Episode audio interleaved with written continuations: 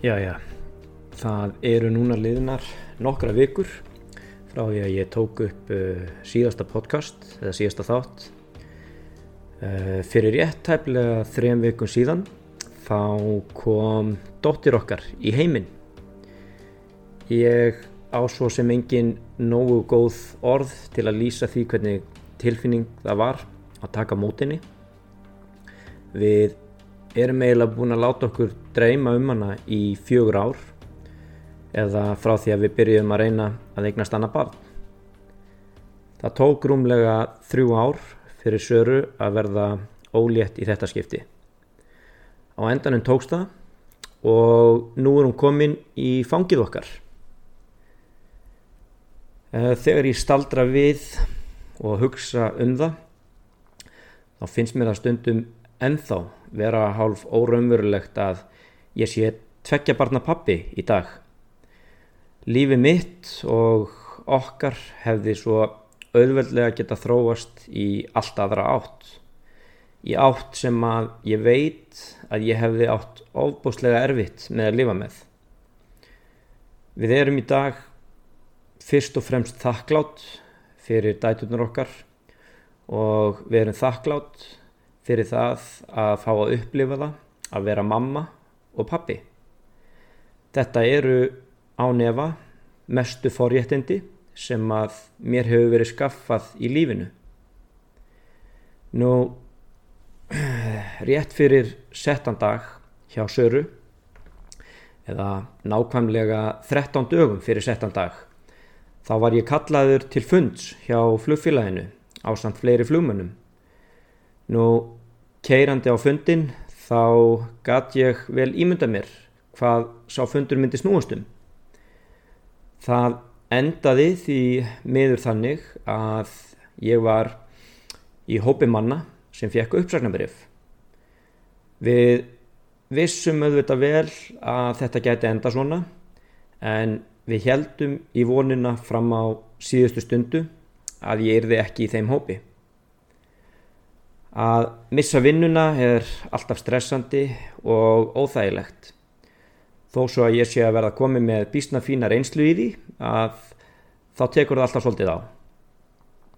Nú fyrstu tvo til þrjá dagana eftir uppsöknina þá sváfum við ekki drosalega mikið, allavega ekki vel. Við höfðum svolítið áhyggjur af framhaldinu því að núna í þetta skipti erum við bæði atvinnulegs og að flytja á milli heimsálfa það tekur tíma að undirbúa og í þetta skipti var Sara Kass ólétt líka. Nú eftir fyrstu þrjá dagana þá náðum við að íta þessu svona svolítið frá okkur eða þessum atvinnumissi og reyndum að pæla sem minnst í þessu. Og einbeitum okkur á því að dóttir okkar var rétt og komin í heiminn og það væri í rauninni það eina sem skipti máli núna. Þó svo að það hafi ekki verið neitt sérstaklega spennandi eða skemmtilegt að missa vinnuna að þá er það svo sem lítið mál miðið við annað sem við höfum tekist á við. Þegar að öll er á botni kvólt að þá er vinna bara vinna. Það eru einfallega aðrir hlutir í lífinu sem eru miklu mikilvægari. Ég gleymi því svo sem ekki fyrir 8 árun síðan þegar ég horfi framann í þann raunveruleika að fá kannski aldrei að verða pappi. Uh, nú á ég tvær dætur og ég mun finna mér aðra vinnu á endanum. Ég man þegar að ég hefði gefið allt sem ég átti fyrir það að fá að verða pappi. Þó svo að ég hafi núna mist vinnuna þá get ég mjög auðveldlega mynd mig á það að staðan hefur verið miklu verri og ég má vera þakklátur fyrir að vera það sem ég er í dag. Það eru því miður alls ekki allir sem fá sinn foreldradraum uppfylltan og því gleym ég ekki. Ófrjóðsemi, hún er erfið og getur verið algjörlega miskunnuleg sparóta. Það skiptast oft á væntingar og vonir í bland við vonbreyði og mikinn sársöka. Einhverjar kannanir hafa sínt fram á það að pör sem að ná ekki eigna spörn eftir meðferð eða meðferðir eru þrísvarsunum líkleri til að skilja en önnu pör. Nú þó svo að ég viti ekki hvort að svo tala sér heilagur sannleikur að þá er mjög auðvelt fyrir mig að trúa þessu. Þetta tekur á sambönd, ég held að annarkvort muni þetta hreinlega eiðilegja sambandið eða styrkja það. Ég, eins og ég kom inn á áður, vildi slíta okkar sambandi en Sara hreinlega lefði því bara ekki að gerast. Það er auðvitað mjög personabundið hvernig hver og einn tekst á við svona fréttir.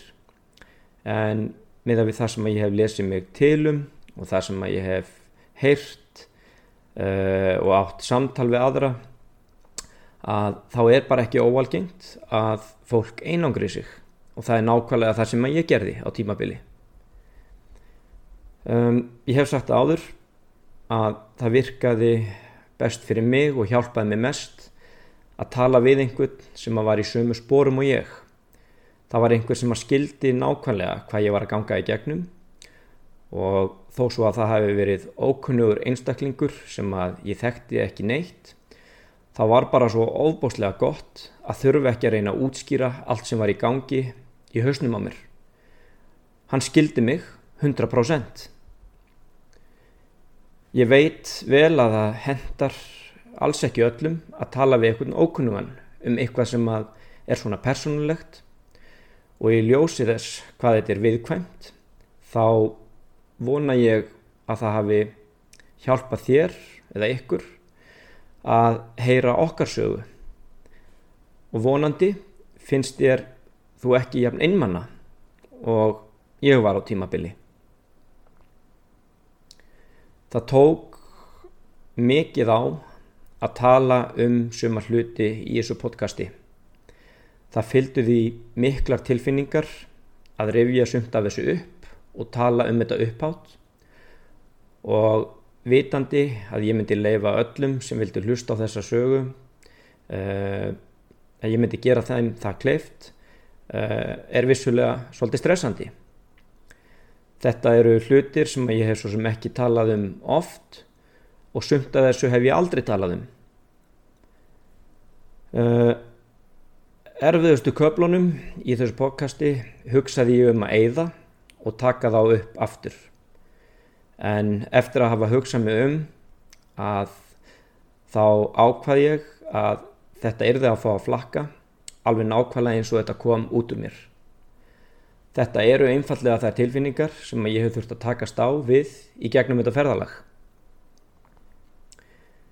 Við eigum öll að eiga rétt á því að vera þau sem að við erum og við eigum aldrei að þurfa að skammast okkur fyrir það sem við erum að kljást við. Hvort sem það er ófrjósemi eða eitthvað annað.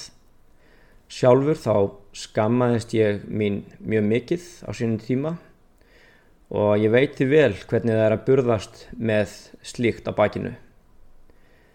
Það var gjörsanlega að geta mig að innan og það tók mig góðan tíma að vinna úr þessu.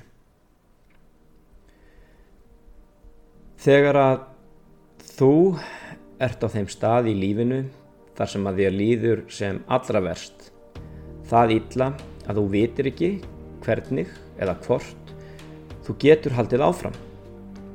Þá veistu það núna að ég var þar líka. Ég man vel hvernig það var að liggja dögum saman upp í rúmi vera illa haldinn af ótrúlegu vonleysi og vanmætti, finnast ég vera búinn að missa allan tilgang í lífinu, finnast lífið svo ósangjart, vera þunglindur og hafa engan áhuga á að tala við einn eða neitt. Þetta var versti tími lífsmins og á þessum tíma þá hafði ég enga trú á því að lífið geti snúist jafn mikið við til hins betra og ég væri í dag á þeim stað sem ég er. Ég komst í gegnum þetta tímabill og ég vona það svo innilega að það gefi þér von og trú að þú gerir það líka. Í síðasta skipti, takk fyrir að hlusta.